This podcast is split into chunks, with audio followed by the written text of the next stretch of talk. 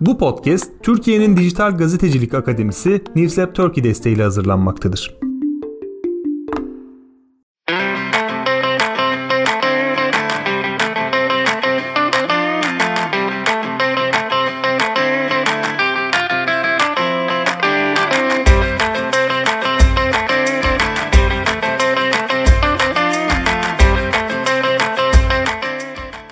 Merhabalar, Kör Nokta Podcast programının ikinci bölümüne hoş geldiniz. Bugün bir önceki programda tartıştığımız konuları biraz daha derinlemesine ele almaya çalışacağız. En son e, Bill Gaines ve Senato soruşturmasını tartışmıştık ve onu bu bölümde daha detaylı ele almaya çalışacağımızı söylemiştik. Çok kısa ben o dönemde yani 1954'ten bahsediyoruz bu arada Senato soruşturmasının gerçekleştiği Amerika 1954'ün Amerikası. O dönem nasıl bir Amerika vardı? Çok kısa ondan bahsedip sözü hocamıza bırakacağım. Şimdi o dönem tabii hem bir şey İkinci Dünya Savaşı'nın bittiği ve Soğuk Savaş'ın başladığı, dünyanın da yeni bir döneme, Amerika'nın e, egemen olduğu bir döneme girdiği bir atmosfere sahip. Dolayısıyla e, Amerika'nın içinde de bir yandan farklı dinamikler var. Bir yandan işte sivil hak hareketlerinin yükseldiği, henüz o hareketlerin yükselmeye başladığı bir dönem. Ve çizgi romanın da aynı eş zamanlı olarak çizgi romanın da ciddi dönüşümler yaşadığı bir e, tarihsel dönemece denk geliyor. Şimdi bu geçen bölümde de tartıştığımız gibi hem tarihsel açıdan da yani tarihsel tartışmalar açısından hem de çizgi roman tartışması açısından da epey enteresan bir dönem. E, ben bu noktada biraz önceki bölüme e, ön, tekrar olabilir belki ama yine de altını çizmekte fayda var diye düşünüyorum. O yüzden şu soruyu sorarak başlayacağım.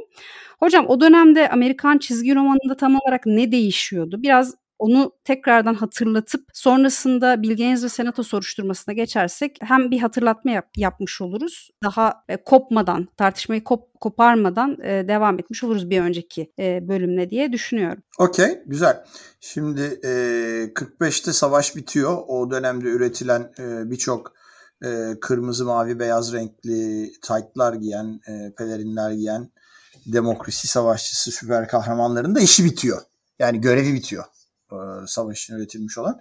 Dolayısıyla çizgi roman endüstrisi de tamamen bunların üzerine artık yaslanmış olduğundan bir boşluk oluşuyor 45-50 e, arası özellikle 54'e sonra geleceğim. Hızlıca işte savaş e, temalı ve dedektif temalı işte western temalı bir takım çizgi romanlar artışa geçiyor. O arada da e, Bill Gaines EC Comics'in başında korku ve işte kanın gövdeyi götürdüğü tarzdaki temaları öne sürmeye başlıyor. Bunların başarılı olduğunu görünce de çok çeşitli ve çok başarılı yazar ve çizerlere bunları yaptırarak piyasada çok büyük bir yer ediniyor. %80'i falan EC Comics'in eline geçiyor 50'lere kadar. 50'ler niye önemli yani 50'lere dönüş? Çünkü işte Sovyetler e, bombayı patlatıp atom bombasını işte bizde de var deyince aslında o Amerika'nın hayalini kurduğu hegemon yapı e, tehdit altına geliyor. Öyle olunca da e, tabii yani Amerika'nın kendi içindeki dinamikler de enteresan bir şekilde sarsılmaya başlıyor. Çünkü niye? Birincisi komünist kavramı var. Yani komünist e, görüşlü Amerikalıların Sovyetler Birliği'nin desteğiyle de e, tabii ki içeride görünür hale gelmesi, seslerinin yükselmesi yani e, şeyin e, söyle parametrenin öbür tarafındaki politik parametrenin öbür tarafındaki Amerikalıları rahatsız edince muhafazakarları aslında çok enteresan bir şey oluyor o dönemde. O dönemin adı da bu. McCarthyizm denir. McCarthy'cilik. E, Senatör McCarthy adında bir e, kişi senatoda görevlendiriliyor komünistleri bulup çıkartmak, ifşa etmek ve onların hayatını bil fiil karartmak adına. Tabii bu şekilde söylenmiyor ama çok da enteresan bir dönem olmasının sebebi bir taraftan da tümüyle tehdit üzerine çalışması sistemi. İşte birini alıyorlar getiriyor. Çok bilinen komünistler var. Onlardan diyelim ki birini alıyorlar getiriyorlar. E, ondan sonra işte bin bir tehdit. Fakat bunlardan kurtulmanın yolu ne adama sundukları opsiyon? Ee, konuşursan işte 3-5 kişiyi daha e, ispiyonlarsan, ifşa edersen komünist diye. O zaman biz sana daha nazik davranırız diyorlar. Bu şekilde böyle bir zincirleme reaksiyonla çok ciddi bir e, komünist avı başlıyor. İngilizcesi bunun cadı avı, komünist cadı avı, communist witch hunt adı altında geçen bir terim. Ondan sonra e, ve çok insanın hakikaten yani hayatını karartıyorlar. Birçok insan komünist olup olmamasından bağımsız olarak e, sırf işte biri kendini kurtarmak için ötekinin ismini verdi diye bir anda kendi, yani işsiz kalıyor, mal varlığını kaybediyor, hayatın sonuna kadar sürünen çok fazla insan var ve bunların e, büyük bir kısmı da işin enteresan tarafı sanat dünyasında. Filmler, e, tiyatrocular, artistler, işte hatta yani çizgi roman alanına bile kayan e, ele, elementler var. Neyse çok uzatmayalım fakat McCarthy ile alakalı çizgi roman çerçevesinde bağlamında daha doğrusu e, şöyle bir espri var. E, kimse rahat durmuyor çizgi roman ve mizah alanında. O dönemin yani e, şeylerine bakılırsa arşivlerine inanılmaz derecede sağlam dalga geçmeler, sosyal sosyal eleştirel yapıda yüklenmeler tonla. Yani bir taraftan da 19. yüzyılın aslında politik cartooning dediğimiz yani politik karikatür üzerinden ortaya çıkan çizgi romanına geriye bir loop. Yani o, o çizgi roman dediğimiz şey aslında e, hiçbir zaman kendi özünü kaybetmemiş. Onu görüyoruz tek. Şimdi e, yani 1950'lerin üzerinden geçiş bu fakat o dönemin muhafazakar toplumunun diyelim burada sadece politikacıları işaret etmek çok yanlış olur çünkü politikacılar aslında toplumun bir uzantısıdır. Yani toplumun desteklemediği bir vektör politikada oluşamaz. Böyle bir şey yok. Mesela Türkiye'de bugün çok ciddi bir kafatasçı milliyetçilik var. Niye var? Onun sebeplerini ayrıca konuşabiliriz yeri gelirse çizgi roman bağlamında 80'ler falan filan ama yani niye var? Çünkü toplumun kendisi böyle. istediği bu. Dolayısıyla o da karşılık buluyor. Politik partilerin amblemlerinden ve söylemlerinden ve başkanlarından ve kadrolarından bağımsız olarak yani hepsi aynı potada eriyen bir halde bizim ülkede de. Orada da öyle o dönemde. Ciddi bir vektör var muhafazakarlık üzerine. Zaten çizgi romanın yani suçlu olarak sandalyeye oturtulması senato şeyinde ne dedik o kelimeye hearings e, senato um, soruşturma demiş. Soruşturma dedik değil mi? Senato soruşturmalarında suçlu sandalyesine oturulması da tabii ki toplum destekli bir şey. Hocam şimdi kısa, çok kısa sözünüzü böleceğim de tam yeri denk geldiği için güzel bir katkı olabilir belki. Biz programdan önce Onur'la bakarken o e, Bilgeniz'in savunmasına bir yerde senatörlerden bir tanesi şey diye soruyor. E, bu çizgi romanları yok etmek isteyenler sizce komünistler mi diye soruyor. Hı, tabii, tabii, tabii. Orada da hakikaten öyle bir tartışma var gibi. Yani e, çok var tabii tabii uz, tabii. uzun uzadıya e, dava yani soruşturmanın dava değil de soruşturmanın kendisi içine yansımış gibi değil ama hani ufak ufak orada da o soğuk savaş döneminin izlerini bulabiliriz gibi. Yani yok var. Zaten çok net var. Şöyle var. Şimdi bir kere senato e, soruşturmasını yöneten e, arkadaşımız Kefauer. Kefauer kim 1952'de başkanlığa zaten oynuyor. Sepetleniyor. Ama politik hırsları çok yüksek bir adam. Bir de buraya doğru giden yolda başta toplum polisiyle, aile birlikleriyle, kilisele toplantılarıyla, kilise gruplarıyla vesaire buraya doğru zaten yüklenmekte. Yani organik bir biçimde illaki belli bir e, motivasyon e, spesifik verilmiş onların eline de onun üzerinden gidiyorlar gibi bir durum yok ortada. Yani toplumun kendisi e, yarı çıplak kadınlar, işte kurt adamlar, vampirler, kadınların orasını burasını hemen. Yok efendim işte e, kafa kesen e, tipler, suçlular. Yani garip garip yaratıklar bunlardan haz almıyor. Bunların günah olduğunu düşünüyor. Burada hemen parantezi püritanizme koyup kapayıp devam edelim. Oraya istersen geliriz.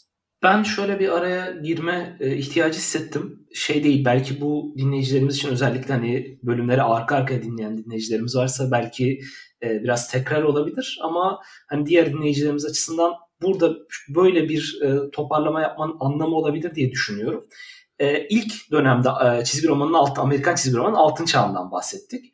Genel olarak zaten Amerikan çizgi romanı denince herkesin yani genel kamuoyunun gözünün önünde canlanan süper kahramanlar.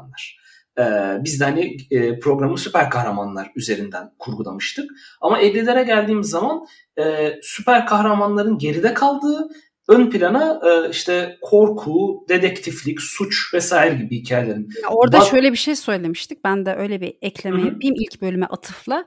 E, İkinci Dünya Savaşı bittikten sonra süper kahramanlar işsiz kaldı tırnak aynen, içinde. Aynen. Ben de... Oradaki boşluğu da e, Bill Gaines'in işte korku ve dedektiflik çizgi romanlarıyla bir biçimde doldurduğunu, Şimdi başka ben, bir akım yarattığını söylemiştik. Tam olarak buraya dair bir aslında soru sormak, bir toparlama yapma ihtiyacı hissettim. Yani Soğuk Savaş olgusundan bahsediyoruz bir yandan da bölümün başından beri.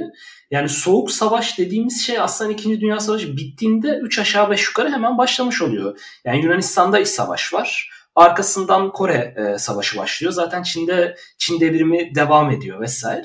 Fakat e, Sovyetlerin Yalnız de... bir dakika Onur. Şimdi şöyle 45-49 arası aslında pek bir soğuk savaş yok. Amerika'nın hegemonyayı oturtma çabası var. Atom Aynen. bombasını patlatınca Sovyetler Kore'ye girecek cesareti de o yüzden buluyorlar. Yani daha doğrusu Kore'yi destekleyecek. Yani Kore Savaşı atom bombasının gölgesinde bir pat satranç terimiyle, beraberlik o çizgiyle bugün bile var olan. Yani orası ilk soğuk savaşın temeli, sıcak savaş üzerinden. Kore. Aynen öyle. Ben de aslen böyle bir yere işaret etmeye çalışıyordum. Yani e, 45'ten sonra 50'lere uzanan o ara bir ara dönem, bir interim Var. dönem Evet, orada. 45-49. O interim dönem içerisinde aynı zamanda Soğuk Savaş'ın tarafları da kendi iç ve dış politikalarını da yeniden e, inşa ediyorlar bu yeni gerçekliğe göre. Bunun bir yerinde kültürel ürünlerin e, yeniden e, şekillendirilmesi var. E, 60'lara döndüğümüz zaman e, mesela süper kahramanların Amerikan çizgi romanında tekrardan e, egemen olduğunu görmeye başlayacağız. E, Tabii. bunun şeyle e, yani bu konuştuğumuz senato soruşturmasıyla e, ne kadar ilişkisi vardır bence enteresan bir soru olabilir üzerine düşünmek adına. Bir yandan da bu ara dönemde e, suç ve dedektiflik e, ve korku hikayelerinin kendilerine ana akımda bir yer bulabilmiş olmalarının yani nasıl bir anlamı var, nasıl bir boşlukta bunlar şekilleniyor? Bence bunun üzerine biraz durmak e, bize enteresan bir alan, hem enteresan bir tartışma alanı açabilir. Yani doğru Ee, ama işte yani ü- ü- ü- üç e, şeyli e, dişli çatal değil bu böyle e, yani 17 tane falan çatal açtın sen o bir tane borunun ucuna. Bak 49'a kadar bir hızlı gelelim zaten. Çünkü o hakikaten bizi doğrudan ilgilendiren dönem dediğin gibi yani o dönemde süper kahramanlar varoluşçu bir e, kriz de değil açmaza düşüp yok oluyorlar. Boom ortadan kayboluyorlar neredeyse. Diğer janrlar ortaya çıkıyor. DC Comics piyasayı domine etmeye başlıyor ama işte muhafazakar toplum dedim. Karşı çıkmaya başlıyor, ciddi bir takım sorunlar yaratmaya başlıyor o, e, çocuklar nezdinde. Çünkü çizgi roman temelde çocuklar için diye algılanan bir alan. Fakat şöyle o zaman toplayalım. 45 ile 49 arasında değişen yapıdaki ortaya çıkan janrlar çizgi romana yetişkin, genç yetişkin ok- okuyucuyu kazandırıyor. Şimdi bu karşı çıkan gruplar biraz önce saydığım aslında bunları göz ardı ediyorlar. Ve hala çizgi romanı süper kahraman dönemindeki çocuklar olarak algıladıklarından çocuklarının çok kötü etkilendiğini, suça teşvik edildiklerini kabul ediyorlar, inanıyorlar ve yayıyorlar. Şimdi o zaman bir sosyal medya yok ama çok ciddi bir sosyal birlik var. Herkes birbiriyle başka yapılarda çok sıkı bir biçimde iletişim kuruyor ve propagandasını yapıyor.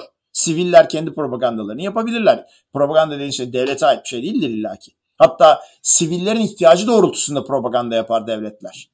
Yani o olay- olayın özeti bu gruplar çizgi romanlara karşı ciddi bilenen ve karşı çıkan insanlar bunun üzerine de politikacılar burada bir fırsat görerek yani kendilerine yontabilecek. İşte bakın biz sizin ihtiyaçlarınızı karşılıyoruz. Politikacılarınız, seçtiğiniz politikacılarınız olarak size hizmette kusur etmiyoruz. Siz bunu istiyorsunuz bakın biz de çizgi romancıları getirdik buraya. Burada çoğul kullanıyorum ama aslında teknik olarak Bill Gaines'e e, e, oklar işaret ediyor. Hakkından geleceğiz. Açtık senato soruşturmasını. Bakın neler yapacağız diyerek bir vaudeville düzenlemiş oluyorlar. Amerikan kanunları çerçevesinde. Olayın özeti en kısa yoluyla bu.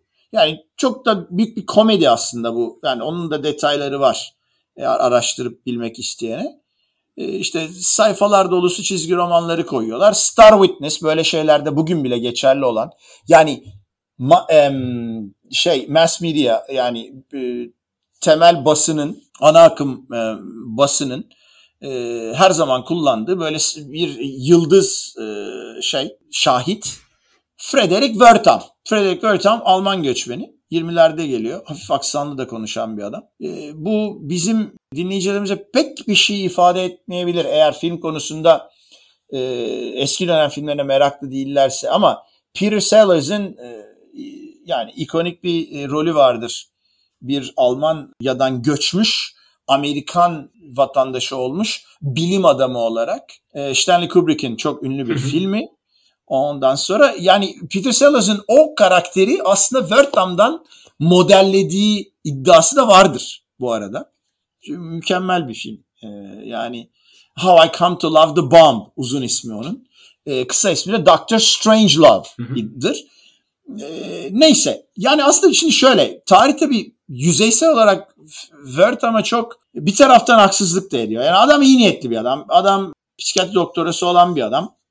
Harlem'de ciddi anlamda yardım etmeye çalışan, fakir ve zor durumda olan, beyaz olmayan insanlara temelde de o dönemin isimlendirilmesiyle e, Nigro'lara yani bugünün e, şeyle Afrika Amerikalı insanlara yardım etmeye çalışan bir adam.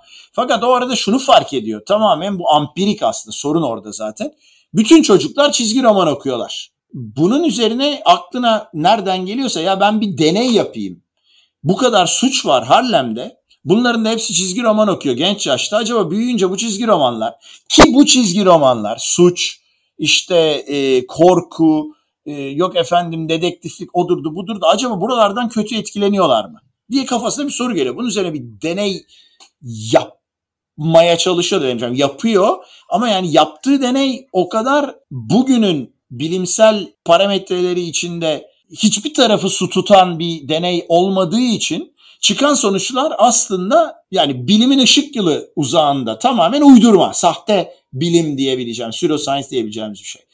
Ama o dönem için önemli değil bu çünkü öyle bakılmıyor olaya. Olay şu, Frederick Wertham diye son derece saygıdeğer bir bilim adamı var, psikiyatr, zaten çok yardımsever bir insan. Ama bakın işte Seduction of the Innocent sen çok güzel çevirmiştin bunu Esra geçen sefer. Masumların, Masumların e, baştan çıkarılması mı demiştik? Ne Değil mi? Öyle bir şey. Ya o, o, o hatırlayamadım ben. Evet yani e, başta o anlama e, gelecek. O şekilde çevir, e, Türkçe çevrilebilecek bir şekilde kullanalım. The Innocent diye bir kitap yazmış. Onu da e, yani bir tür meta haline getirip ortaya koyuyorlar ve bütün senato e, şeyi e, soruşturması bu adamın tanıklı ve yazdığı kitap üzerine kurulu aslında. Hocam Çünkü aslında bil, tırnak işareti bilimsel. E, çok kısa sözünüzü böleceğim de Tabii. tam yani yine 1954'te aslında bir dava daha var e, baktığım kadarıyla Brown vs. Board of Education diye. O evet var tam doğru. Şey, devlet okullarında ırksal ayrımcılığı kaldırdıkları işte yüksek mahkemenin ABD Yüksek Mahkemesi'nin kaldırdığı bir dava da var aynı zamanda. Bunu şu yüzden söyledim. Wörtham'ın çalışması her ne kadar e, bilim çerçevesinin çok dışında yöntemlere başvurmuş olsa bile e, o gün için değil. Bağlı... Bugün bugünün gözünden. O gün ha, için bu... son derece bilimsel olarak algılanıyor. Zaten sorun orada. Yani o, o dönemde kimse kalkıp da federal ya sen quack bir şey yapmışsın hı parametreden yani düşünsene şimdi bir kere psikoloji bilimi daha yanlış Emek hesaplamıyorsam yani yarım yüzyılı yeni geçmiş felsefeden ayrılalı 19. yüzyıl sonunda. Dolayısıyla yani e, deneysel psikolojiye falan daha çok uzağız. Hı-hı doğru dürüst. Sadece şunu ekleyecektim. Ha. Orada yanlış kullanmış oldum kelimeyi ama yani propaganda aracı olarak hani bilimsel tartışmaların dışında hakikaten adamın yaptığı çalışma, Wörtham'ın yaptığı çalışma çok doğrudan propaganda açısından da beyaz üstünlükçü Amerikalıların çok işine yarayabilecek. Onların değirmeni. Yüzde yüz. Zaten o yüzden üstüne atlıyorlar. Yani evet. Wörtham'a haksızlık yapılıyor derken adam kötü niyetli değil. Yani ama çok şey klasik bir e, evil yani kötü adam rolüne oturabilecek bütün özelliklere sahip. İşte Almanya'dan gelmiş, 20'lerden gelmiş, aksanlı konuşuyor. The way I see this is falan şeklinde bir adam yani ne bileyim atıyorum işte. Where I see this picture falan gibi yani dinleyin. Yazık bir taraftan da. Ama üstüne atlıyorlar bunun. Ve bunun üzerine bir soruşturma yapısı kuruyorlar. İşte boy boy çizgi romanlarda kadar işte bak burada kafası kesilen kadın yok burada işte yarı çıplak dolaşıyor. Bu e, son derece e, rezil bir ahlaksız bir davranış biçimini gösteriyor. Kötü örnek oluyor falandı filandı. Hocam Uzat... bir şey soracağım. Ha, Siz tabii. daha önce biraz örnek, somut örnek verebilmek açısından da ben kendime merak ettiğim için soracağım da önceki bölümde birebir o hani soruşturmanın kapsamında yer alan çizgi romanlardan okumuştum. Yani okudum, onları okuyarak çizgi romanla tanışmıştım demiştiniz. Biraz örnek verebilir misiniz acaba? Yani ne anlatıyordu bu gerçekten? Ya yani as- kabaca dedektiflik diyoruz ama hani Değil, dedektiflik korku, benimkiler korku zaten de. Yani e, temelde e, ya bunu bugünün kafasıyla belli bir bağlama oturtmak çok zor. Yani adamların iddiası ahlak kuralları dışında bir takım konular çocuklarımıza verilirse bu çocuklar bozulur. Tırnak işaretinde bozulur. Nasıl bozulur? Psikolojik olarak bozulur ve suçlular haline gelirler. Şimdi bak canımcığım burada bu konuyu bir tekrar kelimeyi kullanalım. Bir şurayı aşalım oradan geri dönelim.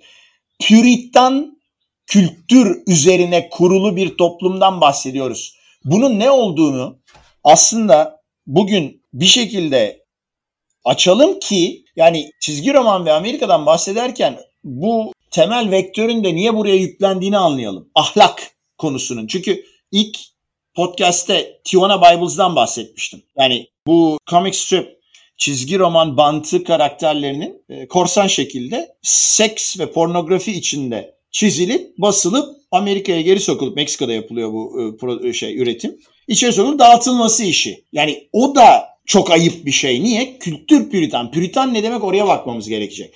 Neyse topluyorum. Bu soruşturma sonunda parmak sallayarak diyorlar ki en başta Games zaten benim bildiğim kadarıyla araştırıp görebildiğim kadarıyla EC Comics ve Bill Gaines dışında oraya gelip kendini savunan başka hiç kimse yok. Endüstriyi, işte e, yayın evini bilmem hiç ya bir tek Bill Gaines geliyor oraya. Dolayısıyla bu parmak sallayarak bak kendinize çeki düzen verin hikayesinde bir taraftan çizgi roman dünyası da aslında pek de yanılıp yıkılmadan kendine sansür uygulamaya başlıyor. Çünkü yani EC Gaines, e, Bill Gaines'in EC Comics'te piyasada aldığı pay o kadar yüksek ki onların cezalandırılması diğer yayın evlerinin finansal olarak gelişmesi demek. Zaten e, savunmanın kendisinde Esra da söyledi biz bu kayda girmeden önce bir kere daha baktık savunmaya. E, şey var yani başka e, çizgi romancılarla işte bir derneğin içerisinde bulunduğu Bill Gaines'in oradan ayrıldığı, aslında işte endüstrinin geri kalanının bir çeşit sansür uygulamak istediği, onun karşısında da engelin Gaines olduğu yönünde bir takım sorular e, yöneltiyor ona sorguç e, yani e, sorguyu yürütenler. Ki hepsi doğru zaten. Hepsi doğru. Bill Gaines bunların hepsini yapıyor. E, yani Bill Gaines bir kere Amerika'nın e, yani kuruluşunun temelindeki birinci e, anayasa maddesine çok bağlı bir adam. Bunun çok doğru bir şey olduğuna inanan demokrasi için. E, dolayısıyla sens- censorship'ten yani sansürden nefret ediyor. Ya Amerika'nın o dönemi bak 1920'ler prohibition, decency laws bilmem ne yani yavaş yavaş her toplum gibi Amerikan toplumu da biraz daha liberal tarafa doğru ittire ittire gelişmekte ama 50'ler aslında çok muhafazakar bir dönem bugünün gözlüğüyle baktığımızda. Sadece bu değil. Yani şimdi burada mesela Tropic of Cancer, Henry Miller. Yani sansürün radarına daha girmemiş. E, girdiği zaman da e, zaten Supreme Court Freedom of Expression birinci anayasa maddesi e, fikir özgürlüğünden sansür dışı tutuyor Tropic of Cancer'ı. İşte Lady Chatterley's Lover falan bunlar aslında bugünün e, bakış açısı da çok masum anlatılar. Ama o dönemde pornografik olarak algılanıyorlar muhafazakar toplum tarafından. Birileri de çıkıp bunu mahkemeye veriyor. O, o gidiyor ta Supreme Court'a konu. Yani Amerikan sisteminin aslında çok dağılmadan şöyle diyelim kısaca kendini boğmadan her seferinde vadelerle yenileyebilmesi ve gelişmeye olanak sağlayabilmesinin temelinde hep söylediğim şey checks and balances İngilizcesi. Yani hep bir denge var hiçbir zaman bir grup insan bütün politik ve kanun yapıl kanun yapılma sistemini ele geçiremiyor. Bu olamadığı için de bu tür çatışmalar muhafazakarlarla liberaller arasında aslında tamamen Hegelyen bir dünya yaratıyor. Yani tez, antitez, sentez. Amerikan hegemonyasının temeli bunun üzerine kurulu ve tabii ki birinci anayasa e, şey maddesi fikir özgürlüğü. Neyse bunun sonucunda... Şimdi bunu ekleme yapsak iyi olur gibi geldi. CCA kod soruşturmadan... Ona geliyorum. Hah tamam.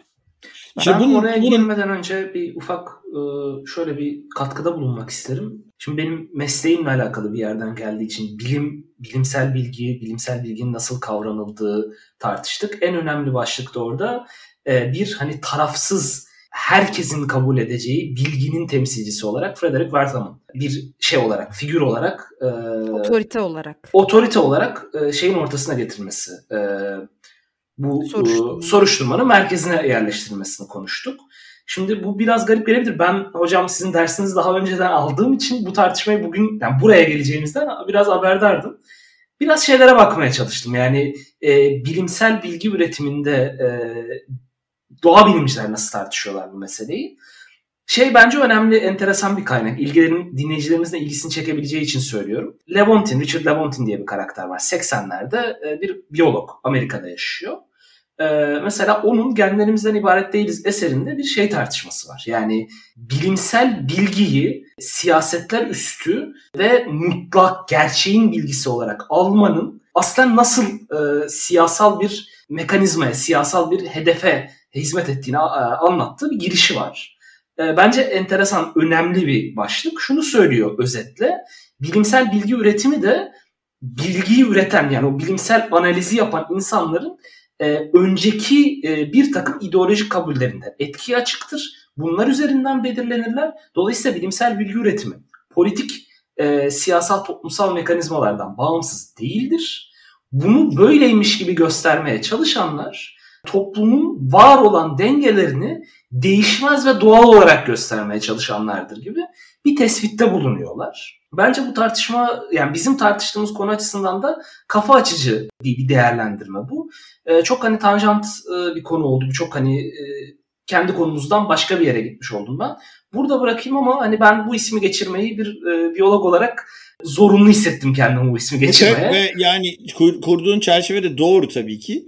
Bir kere yani derste söylediğim çok önemli bir şey vardı. Birden fazla kere her seferinde sık sık ya doğrudan ya dolaylı olarak önerdiğim ve e, arkasında da örnekleriyle çizgi romandan veya başka konuları kullanarak durduğum objektif görüş diye bir şey yoktur. İnsan söylediği için o düşünceyi her zaman için belli bir miktar sübjektivite vardır. Bence olayın en basite indirgenmiş şekli budur.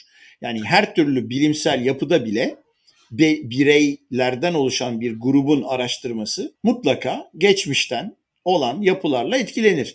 Ama tabii yani bu tartışmayı e, yani Wörtham'a nasıl bağlarız bağlamayız yani şimdilik havada bırakabiliriz. Çünkü yani e, aslında tartışma bana göre biyolojik değil. Senin de söylediğin gibi felsefi bir tartışma. Tabii ki. İş oraya ben bağlanıyor. De, yani Baudrillard'a zaten... 80'lerde Baudrillard'a geliyoruz. Ee, yani simülakruma geliyoruz. E bugünkü sosyal medyadaki dünyaya da baktığımız zaman yani zaten ne diyebilirim ki? Yani işte anti-vax'ler ve onların savundukları bilimsel gerçeklerle aşıların ne kadar zararlı olduğu kavramı falan filan. Yani 17. yüzyılda çiçek aşısı üzerinden ki bugün tam da konumuz maymun e, e, Türkçesi ne onun? Ay, maymun, maymun, maymun çiçeği, çiçek hastalığı neyse virüsü. Yani 17. yüzyılda e, çiçekle alakalı variolization e, sistemiyle insanları kurtarma, en azından %50'sini kurtarma noktasına gelindiğinde millet yani aman yaptırmayın toynaklar ve boynuzlarınız çıkardı şeklinde ve bunu bilimsel bir söylem için doktorlara söyleterek yürümüştü. 1930'larda doktorlar çıkıp bol bol sigara için ciğerlerinizi açar diyordu. Şimdi bugün e, içki endüstrisi deli gibi hala işte bir yok bir bardak şarap şudur budur yani dezenfektan içmeyi hala pompalıyor ve herkes gayet işte çok yoruldum bugün bir bardak şarap içeyim bir bardak viski içeyim rahat bir tamam yani yap ayrı konu özgürsün. Yani sigarayla karşılaştığında etrafı en azından bilmem ne falan filan. Konuyu dağıtmamaya çalışıyorum ama yani günün sonunda bütün politik yapılar belli ideolojilerle tabii ki beslenir ve bunların hepsi subjektiftir. Çizgi roman veya başka bir şey bunun dışında olması beklenemez. Ya ben bilimde dahil. Tam olarak onu işaret etmeye çalıştım. Yani bilimsel bilgi üretimi de toplumun geri kalan gerçekliği anlama ve kavrama süreçlerinden bağımsız işlemiyor. Tabii ki de bu bilimsel bilgi üretimi bir dizi başka gerçekliği anlama metodolojisiyle bir ve aynı şey. Dolayısıyla hani bilim de subjektiftir gibi bir yere çıkmıyor. Yani en azından ben böyle bir eki yapma ihtiyacı hissettim kendi Tabii adıma. ki bilim subjektiftir önermesi çok yanlış olur. Bilim adamları da siyasetin nesnesidir. Tam olarak değil. Bilim adamları da içinde yetiştikleri çekirdek aileyle başlayan bir etkileşimle birlikte toplumun genel değerleri üzerinde ilerlerler ve bazıları bunlardan kendilerine yapabildikleri eğitimle, okumayla, bilgiyle, katkıyla bunun dışına çıkarak sınırı biraz daha iteleyebilirler doğrusuyla yanlışıyla. Yani Gelişme dediğimiz şey bu. Birileri bir şey söylüyor. Arkasında belli bir rüzgar doldurabilirse o yelkeni. Toplum o tarafa doğru gidiyor. Sonra öbürü bu tarafa. Sonra öbürü o tarafa. Yani çok da fazla büyütmeye gerek yok insan dediğimiz steroidli maymunu diyeyim bence. Biz bence konumuza gelelim. CCA Codes'a dönelim. Ee, CCA Codes Comics Codes Authority yani baş harfleri CCA. Endüstri diyor ki ya bak işte senato falan da bizim tepemize binmeye kalkıyor. Biz en iyisi fazla ortalığı karıştırmayalım. Zaten bir McCarthyizm hikayesi var. Ekmek paramız gidecek. Boynumuzu eğelim, sisteme uyalım. Çorbamızı kenarda döndürelim. Fazla da kıçımızı başımızı oynatmayalım. Bilmiyorum bunlar yani hani tanıdık geliyor mu bazı dinleyicilere falan ama bilmiyorum. Ondan sonra tek fark o zaman Amerika'nın 1950'leri. Böyle bir kod listesi yayınlıyorlar. Bu kod listesi de şöyle enteresan aslında. 1929'da Amerikan sineması palazlanırken Amerikan sinemasında toplumun ahlakını bozmamak için neleri gösterip neleri gösteremeyeceğin, neleri söyleyip neleri söyleyemeyeceğin üzerine kurulu çok daha kısa bir kod yapısının çok daha lüzumsuz şekilde uzunu. Yani öyle e, hani adım adım gidersek çok komik ama işte A, B, C şeyleri var, bölümleri var. En son bölümde şöyle diyor. Yani burada söylemediğimiz ne varsa ama ahlaka falan karşıysa o da yasak gibi. Yani o zaman niye bunları söylüyorsun? Bizim beğenmediğimiz her şey yasaktır da geç git. Yani bir komite var ona uyacaksın. Neyse espri bu tabii ama oraya geliyor. Çünkü bizde de böyle bir kanun geçtiydi bundan 3-5 sene önce. Ee, yanlış hatırlamıyorsam gerçek anlamda. Yani bu işte artık terörizm mi vatan hainliğiyle mi yani hani şunlar şunlar şunlar yasaktır odur budur. Şuraya e, şu şu şekle sokarız şöyle suçlarız bilmem nedir falan. Ama hani bunların dışında da bir şey olur da biz öyle görürsek o da suç gibi bir absürdite. Yani böyle bir hukuk kavramı yok tabi e, herhangi bir alanda çizgi roman veya e, devlet kanunları olmaması gerekir daha doğrusu. E, uzun lafın kısası işte bu, bu listeyi yapıyorlar. İngiliz şey Hollywood'daki bunun e, filmle alakalı yapının adı Hayes Codes. Bunun da başında zaten Presbyterian bir e, rahip var. E, ahlak denince rahibi koymuşlar başına o kodları yazması için. Üç kişilik bir komite diye hatırlıyorum. CCA Codes endüstri için oturuyor işte bütün ilgili adamlar böyle bir şeyler yazıyorlar. Bilmiyorum bunun detaylarına girelim mi? Komik çok komik şeyler var yani ama bilemedim. İster misiniz birkaç örnek vereyim? Ya ben şey soracaktım aklıma geldi. Şimdi bu zorunlu uyum herkesin uyması gereken kanun gibi bir şey mi kodlar dediğimiz yoksa bunun çevresinden dolaşmak mümkün mü?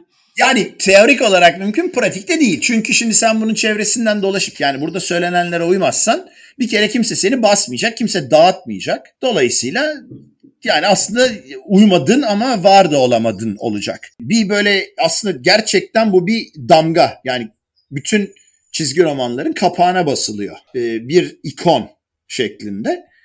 CCA e, Codes'a uygun anlamında. O kodu alamadın mı zaten hiç kimse bu senin e, bastığın kitabı alıp da dükkanında veya işte e, şeyinde söyle gazete bayinde falan taşımayacak. Niye? E herkes korkuyor korku dönemi yani McCarthy'izmi boş yere söylemedim. Ciddi anlamda hayatını kaydıran bir dönem insanların. Komünist damgasını CCL kozunu birini suratına yapıştırdı mı bu komünistliği bittin yani. Bütün gazetelerde ifşa alıyorsun. Radyolarda, programlarda ismin ya şey oluyor, yayınlanıyor. Hayatın kayıyor. Çok insan var böyle. Yani o da ayrı bir şey. Dinleyicilerimiz belki merak ederse McCarthy'izm diye araştırırsa görecektir neyin e, nasıl etkilediğini Amerikan toplumunun üst seviyede. Bu o, o, o çok daha sert bir alan tabii. Ben şöyle bir e, yerini ilginç buluyorum bu tartışmanın. Yani biraz önceki yani bundan belki bir 10-15 dakika kadar önce yine benzer bir yere işaret etmeye çalıştım. Bu e, senato e, soruşturmasının gerçekleşmesi arkasından endüstri kodlarının yerleştirilmesi vesaire Amerika'nın artık soğuk savaşta daha hani bir projeksiyon olan ve o savaşı gerçekten savaş gibi yürüten bir aktör haline gelmesiyle de çakışan bir dönemde gerçekleşiyor. E, şimdi ben buranın biraz ilginç olduğunu düşünüyorum. Şu bağlamda ilginç olduğunu düşünüyorum. E, tam olarak siz de şeyden bahsettiniz. Yani bundan öncesinde daha dağınık, daha hani belli aktörlerin daha kendi istedikleri bir şeyleri yapabildikleri bir, bir alan var. Benim ben ben şahsen şöyle algılıyorum bu meseleyi. E, ilginç de buluyorum açıkçası. Şimdi korku, e, işte suç, dedektiflik, bilmem ne, yani bu başlıklar üzerine odaklandığınız zaman e, bu hikayeler e, konu edindikleri toplumların bozukluklarını işaret etmek durumundalar. Yani e, bir takım işlemeyen yapıları, bir takım sosyal toplumsal krizleri işaret etmek durumundalar. Ve bu e, sonunda Amerikan toplumunda da işlemeyen e, mekanizmalara işaret etmek durumunda. Bu soğuk savaş açısından ya Amerika'nın kendi toplumsal siyasal modelini e, bir evrensel doğru olarak dayatmaya çalıştığı bir tabloda verimli bir şey değil. E, ve bu sebeple... Yani gene Püritanizmi de bu arada alt metin olarak koymuş oldun. Aynen öyle. E, aynen öyle ve e, bu yüzden imha edilmesi gerekiyor. E, ya da yani biraz önceki tartışmayla... Yok yok doğru akım... imha doğru kelime. Hı hı. Yani gene Püritanizm alt metniyle baktığımızda kesinlikle. Çünkü e, Esra burada sen de yardım edebilirsin. E, karşıt olan evil yani e, şer, kötü. Kötülük üzerine kurulu. Evet yani ama e, şey dini kavram anlamında. Ondan şer. Şeytani. Şer. Şeytani evet yani onla, o yüzden yok edilmesi gerekiyor. Evet aynen öyle. E, fakat bu bir de şöyle bir şey yaratıyor. Ana akım medyada bunlar kendilerine yer bulamıyorlar. E, fakat ya burada şöyle bir şey belki hatırlatabiliriz şimdi. Bill Gates'in babası zaten bu sektörde esas Bill Gates'ten de önce o popülariteyi, o ekonomik gücü elde eden doğrudan Bill Gates'in babası ve o da bildiğim kadarıyla tarihsel böyle İncil'den vesaire de hikayeler anlatan çizgi romanlar basıyor sanıyorum. Aslında zaten EC Comics o dönemde educational comics adı anlamında kullanılıyor. Bill oğlu babasını çok genç yaşta kaybedince başına gelip entertainment Comics olarak değiştiriyor ismini şirket.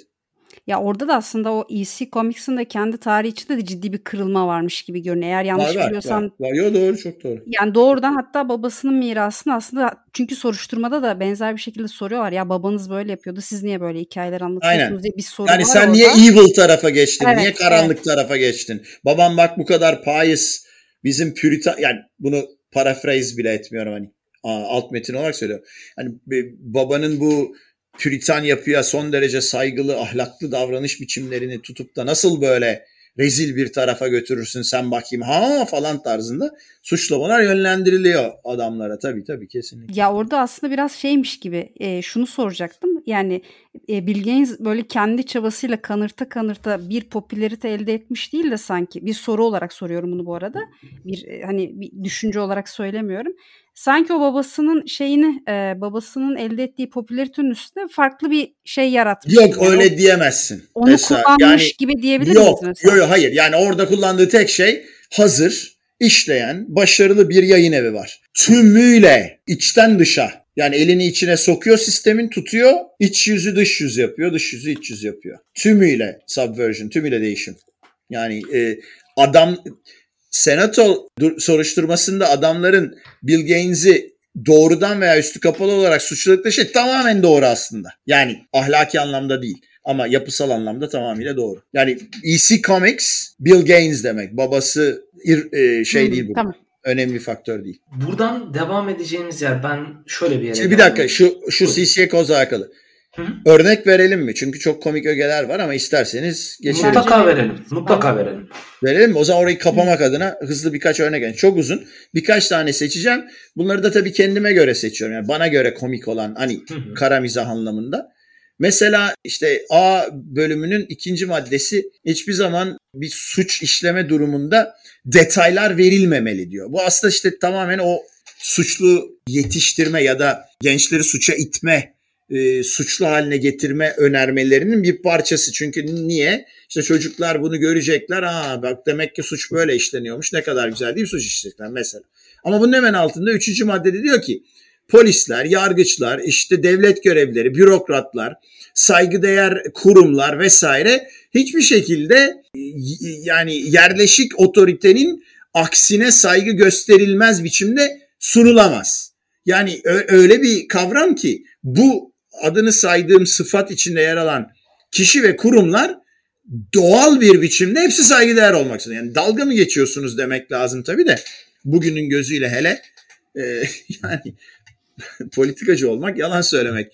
E, o, o tür bir devlet yapısının içinde de bürokrat olmak ne demek zaten bugün biz burada görüyoruz. Mesela dördüncü madde işte hiçbir suç böyle son derece e, e, keyifsiz ve böyle kötü bir biçim dışında sunulamaz. Yani bunun pratikte anlamı ne anlama geliyor? Hani insanın aklına şöyle bir kare geliyor çizgi romanda. Adam kadını bıçaklamakta ama ağlıyor mesela. Yani e, o kadar kötü hissediyor ki kendi suç işlemeyi. Yani ne demek istediklerinin gerçekte bir yere oturma anlamı yok. Tamamen konuları karikatürize etmek üzerine bir itiş var. 8. madde diyor ki herhangi bir silahı nasıl vücudun üzerinde saklayacağını gösteremezsin. Şimdi ben mesela en komik bulduğum maddelerden biri bu. Yani bir bıçak olsun, bir çakı olsun, bir tabanca olsun, bir tüfek olsun, ne olursa olsun. Bir insan herhangi bir silahı ateşli veya ateşsiz vücudunda görünmeyecek şekilde kaç yere sokarak saklayabilir? Yani bunu düşünüyorum mesela. Yani bunu hani bir çocuk olmaya yani neyse geçelim. e, bir, mesela bir alt maddede işte e, şey ne diyecektim yani iyice saçmalama noktalarına doğru gitmişler böyle oturup bir araya kafa kafa verip. Mesela suç kelimesi hiçbir çizgi romanın şeyinde kapağında başlığında, başlığında diğer kelimelerden daha büyük puntoyla yazılamaz. Yani ne diyorsunuz Allah aşkınıza demek geliyor insanın tabii içinden. Crime İngilizcesi. Bu verdiğiniz örnekler benim şöyle bir anlamda dikkatimi çekiyor. Bir genel toplumsal histeriyi plake etmek yani onu sakinleştirmenin yanında gerçekten Amerikan devleti, kurumları ve siyasetini eleştirme eleştirilmez bir doğru olarak kültürel hayatın e, merkezine tabii. yerleştirmeye e, tabii. çalışıyor. Üçüncü, ama zaten bu hep böyle. Sadece bunu maddeye döküyorlar. Yani A bölümünün üçüncü maddesi bunu direkt söylüyor zaten. Neyse yani bu böyle gider de işte B kısmında da mesela şöyle komik bir şey var. Yani kendi içinde tutarlı bir takım e, laflar var ayrı ama beşincisinde diyor ki işte yürüyen ölüler, işkence, vampirler ve vampirlik İngilizcesi vampires and vampirism yani ne demekse goals işte böyle e, şey e, ne derler yani goals yani um, hayalet kılıklı korkunç yaratıklar işte gul yabaniler. Yaban ha gul yabaniler. Türk Sağ ol. Evet gulyabaniler oradan geliyor. Ghouls, gulyabaniler. Sonra işte e, kaniballik şey. Yamyamlık. Yamyamlık.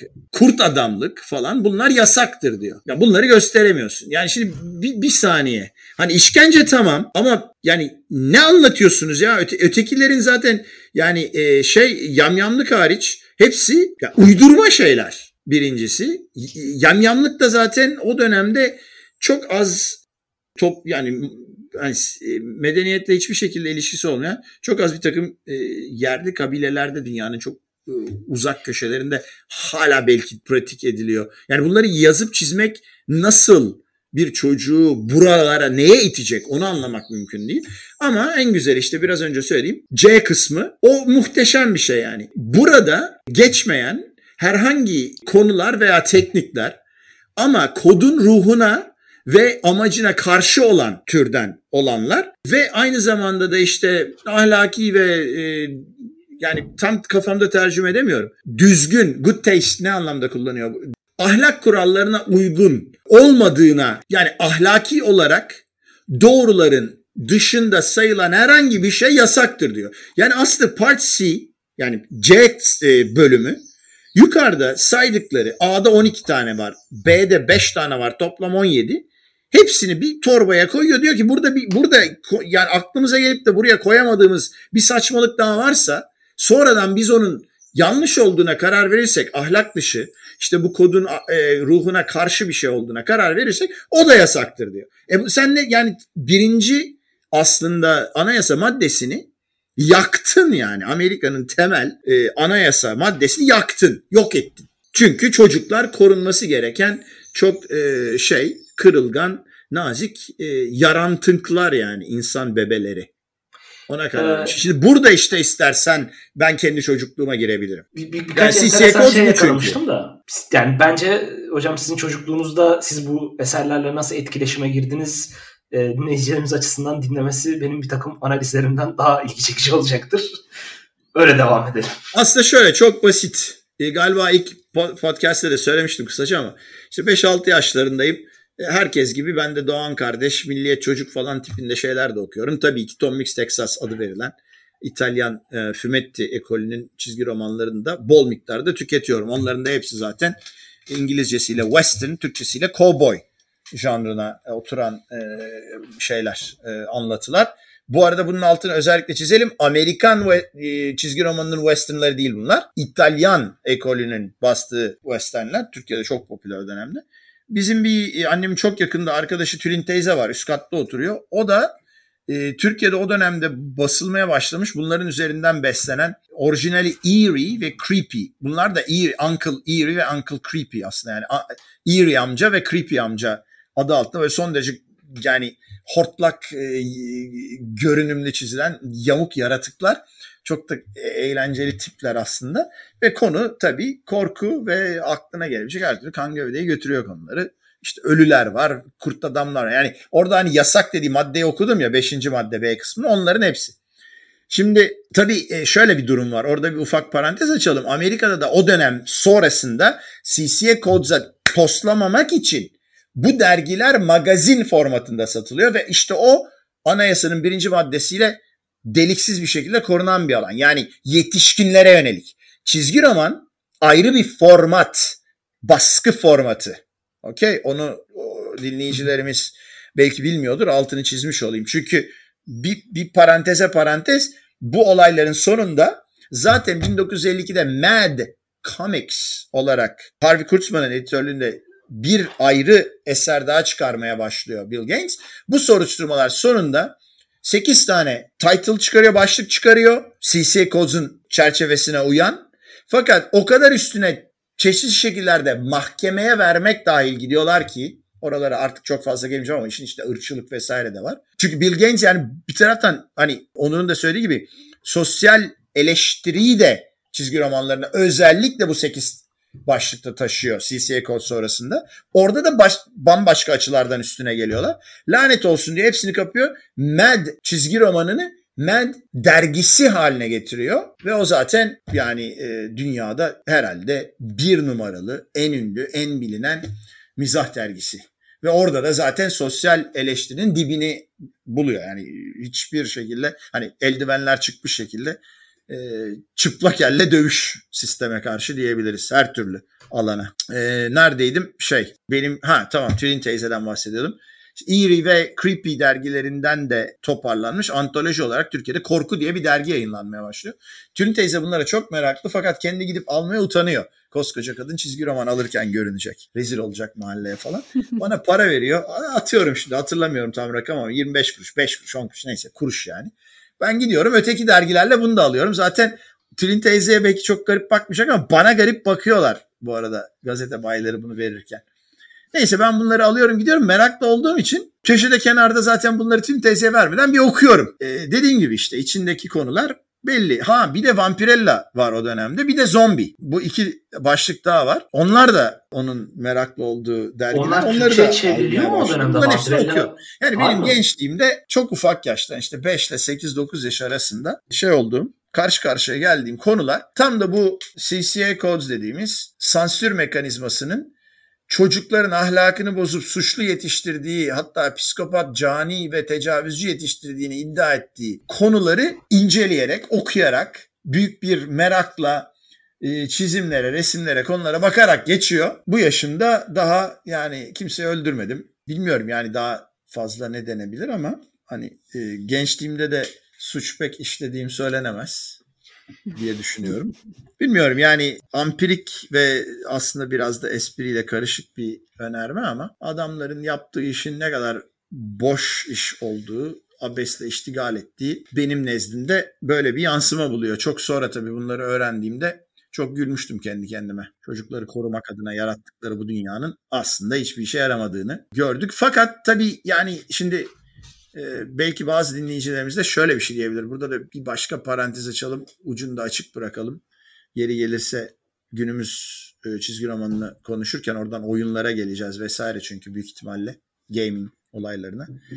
Amerika'da şu anda korkunç bir nasıl bunu terim yani Türkçe terimini de bilmiyor. İngilizce de terimlendirmek çok güç ama yani horror show yani gerçek bir korku şovu var. Bir gün geçmiyor ki birileri eline silah alıp birilerini tarayıp indirmesin. Yani ilkokulda falan olmaya başladı bu olaylar. Ee, çok genç çocuklar beyinleri daha zaten doğal olarak tam kapasitesini bırak yarım kapasiteye bile erişmemiş çocuklar ölüm, hayat, varlık gibi konular konusunda doğal olarak hemen hiçbir şey anlamayan çocuklar silah ile öfkelerini bastırmak üzere veya dışa vurmak üzere birilerine saldırma ihtiyacını gösteriyorlar.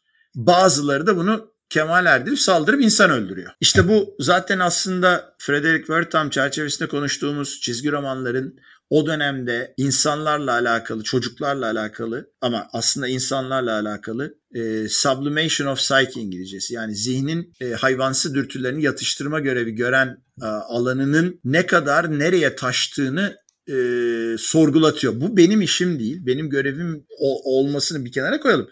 Yani beni fersah fersah aşan bir şey ve çok daha ciddi bilim adamlarının interdisipliner bir biçimde bu konuyu araştırması gerekiyor gibi gelmeye başladı bana. Yani bu her zaman bir argümandı. Bu tür e, şiddet oyunları vesaireler bu kadar gerçekçi yapılar e, insanların zihinlerini bulandırıyor mu? Bu tek başına kesinlikle bence benim hayat tecrübem, bilgi çerçevem içerisinde geçerli olamaz tek başına.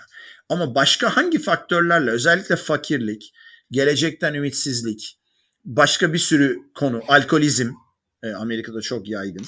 E, kadınlara olan şiddet bir fiil ailede gördükleri annelerine ve kız kardeşlerine vesaire veya diğer kardeşlerine, erkek kardeşlerine de gösterilen e, vahşet. Bunların bir etkisi var mı bilemem. Ama bakılması gereken bir alan. Çünkü Amerika kendi yani kuruluş vektörüne sadık bir biçimde aslında vahşi bir medeniyet. Her zaman gelecekte var oluyor ama geleceği de savaşla kurmaktan imtina hiçbir zaman etmiyor. Çünkü bütün yapısı bunun üzerine kurulu ontolojik olarak. İşte burada püritanlara girebiliriz. Amerika'nın kurucu beyazlarının dini inanışı olan ve kendilerine e, sıfat olarak yakıştırılmış püritanizm nereden geldi, niye geldi, nasıl geldi? Amerikalılar niye hep savaşta var oldu ve niye hep gelecekte var oldu? Bugünü her zaman için gelecek üzerinden düşündüler. Ahlak anlayışları nasıl gelişti? Bunlar konuşulabilir. Burada doğal bir sona ulaştık gibi görünüyor. Yeni bir tartışma başlığına geçmeden önce şu ana kadar konuştuklarımızı bir toplasak daha iyi olur diye düşünüyorum ben. 1954'te Bill Gaines ve EC Comics'e açılan senato soruşturması ve ondan sonra e, çizgi roman endüstrisinin uyguladığı CCA Codes bağlamında uyguladığı sansür mekanizmasını uzun uzadıya konuştuk. Tek tek maddelerini konuştuk.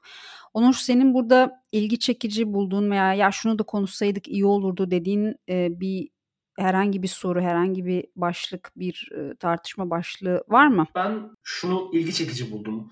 Ee, özellikle e, yasaklanan başlıklar açısından. Mesela vampirlerden Daha çok konular tabii. Başlıklardan çok konular. Temalar. Aynen. Temalar evet. Ee, mesela vampir, e, işte e, zombi, kurt adam vesaire gibi hani böyle korku temalı e, bir takım ya da e, gotik edebiyat e, tam e, belki süzülüp gelen bir takım tiplemeler yasaklanıyor. Ya benim ilgimi çeken şey şu oldu mesela özellikle vampirler adına çok hani kolay bir alegori var orada. Kan emici soydular aslında vampirlerin hani e, merkezinde duran karakterler. Bu kurgunun merkezinde duran karakterler. Vampir çok enteresan bir karakter. Vampirler çok şekil değiştiriyor. Yani Polidori'nin işte Mary Shelley Percy Shelley o meşhur gecede yazdıkları şeyde Pol- Polidori yazdığı vampir üzerinden gelişen bir modern vampir e, vektörü var ama Bram Stoker'ınkini asıl modern vampir olarak kabul ediyoruz. Yani varlık anlamı anlamında değil ama yapısal anlamda. Fakat çok değişkenlik gösteren bir korku elemeni, ele, şey e, elemanı vampir.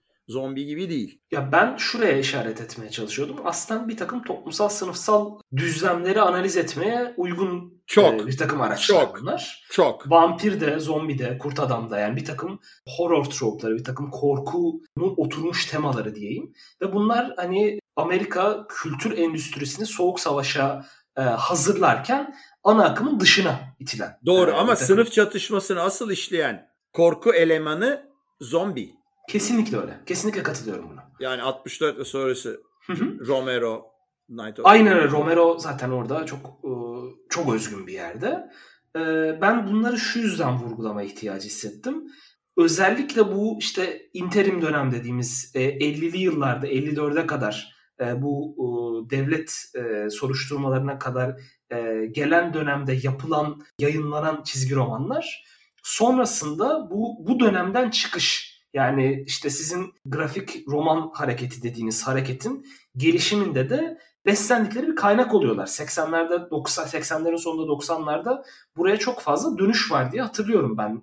Yanılıyor muyum bu konuda? Yani hayır yanıldığını söyleyemem ama aradaki Underground Comics'i atlamamamız lazım. Kesinlikle. Tabii ki de bir süreklilik var. Yani CCA aslında çizgi romanların o günkü temalarını boğuyor ve son derece steril. Politik anlamda e, sistemin dayattığı ahlak yapısına uygun biçime getiriyor. Bill Gaines de bununla uğraşmaya çalışıyor sıkılıyor, çıkıyor, gidiyor. Daha fazla yüklenildiği için üstünde mahkemeler vesaire dedik. Mad Magazine bayrak gemisi olarak kalıyor.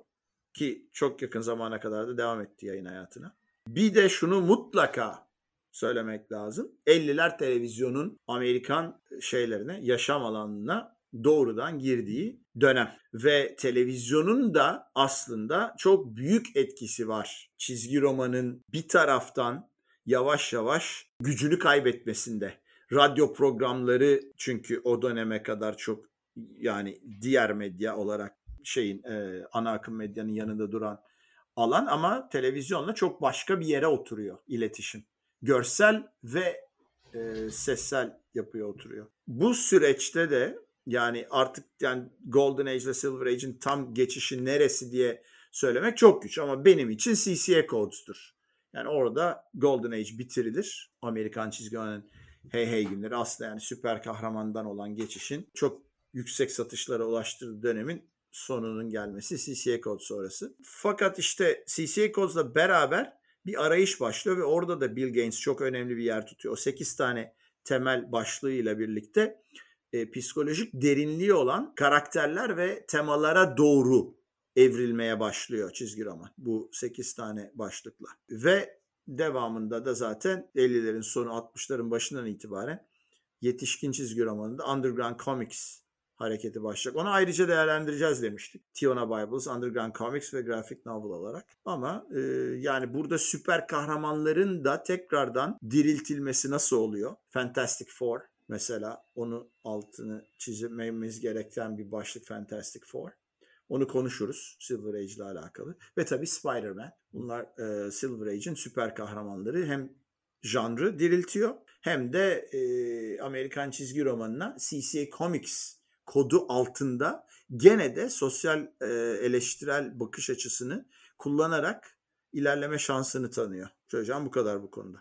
Hocam çok teşekkür ederiz. Yine çok dolu bir programda hem çizgi roman tarihine hem de Amerikan tarihine dair önemli başlıkları uzun uzadıya konuşmuş olduk. Bundan sonra da artık yavaş yavaş çizgi romanın Silver Age'ine, gümüş çağına doğru yola çıkacağız ama bir önceki programda da bu programda da tarihsel sürekliliği gözettiğimiz için ileriki aşamaları, ileriki dönemlere geçmeden önce bir Wonder Woman özel bölümü yapmak iyi olur gibi geliyor bana. Wonder Woman hem çizgi roman tarihinde hem de günümüzün popüler kültüründe çok önemli bir karakter, önemli bir figür. Dolayısıyla onu atlamadan daha sonraki dönemlerde ortaya çıkmış karakterlere geçmeden önce onu anmak, onun ismini de bu programda zikretmek önemli olur diye düşünüyorum ben. E, dinleyicilerimize de şimdiden duyurmuş olalım. Bize sormak istediğiniz ve tartışılmasını istediğiniz başlıklar olursa, kafanıza takılan ve konuşmak, e, paylaşmak istediğiniz e, sorular olursa e, hem Instagram hem de Twitter hesabından bize ulaşabilirsiniz. Bizi bu noktaya kadar dinlediyseniz çok teşekkür ederiz. Umarız verimli bir tartışma, eğlenceli bir tartışma yapabilmişizdir. Bir sonraki programda görüşmek dileğiyle. Hoşçakalın.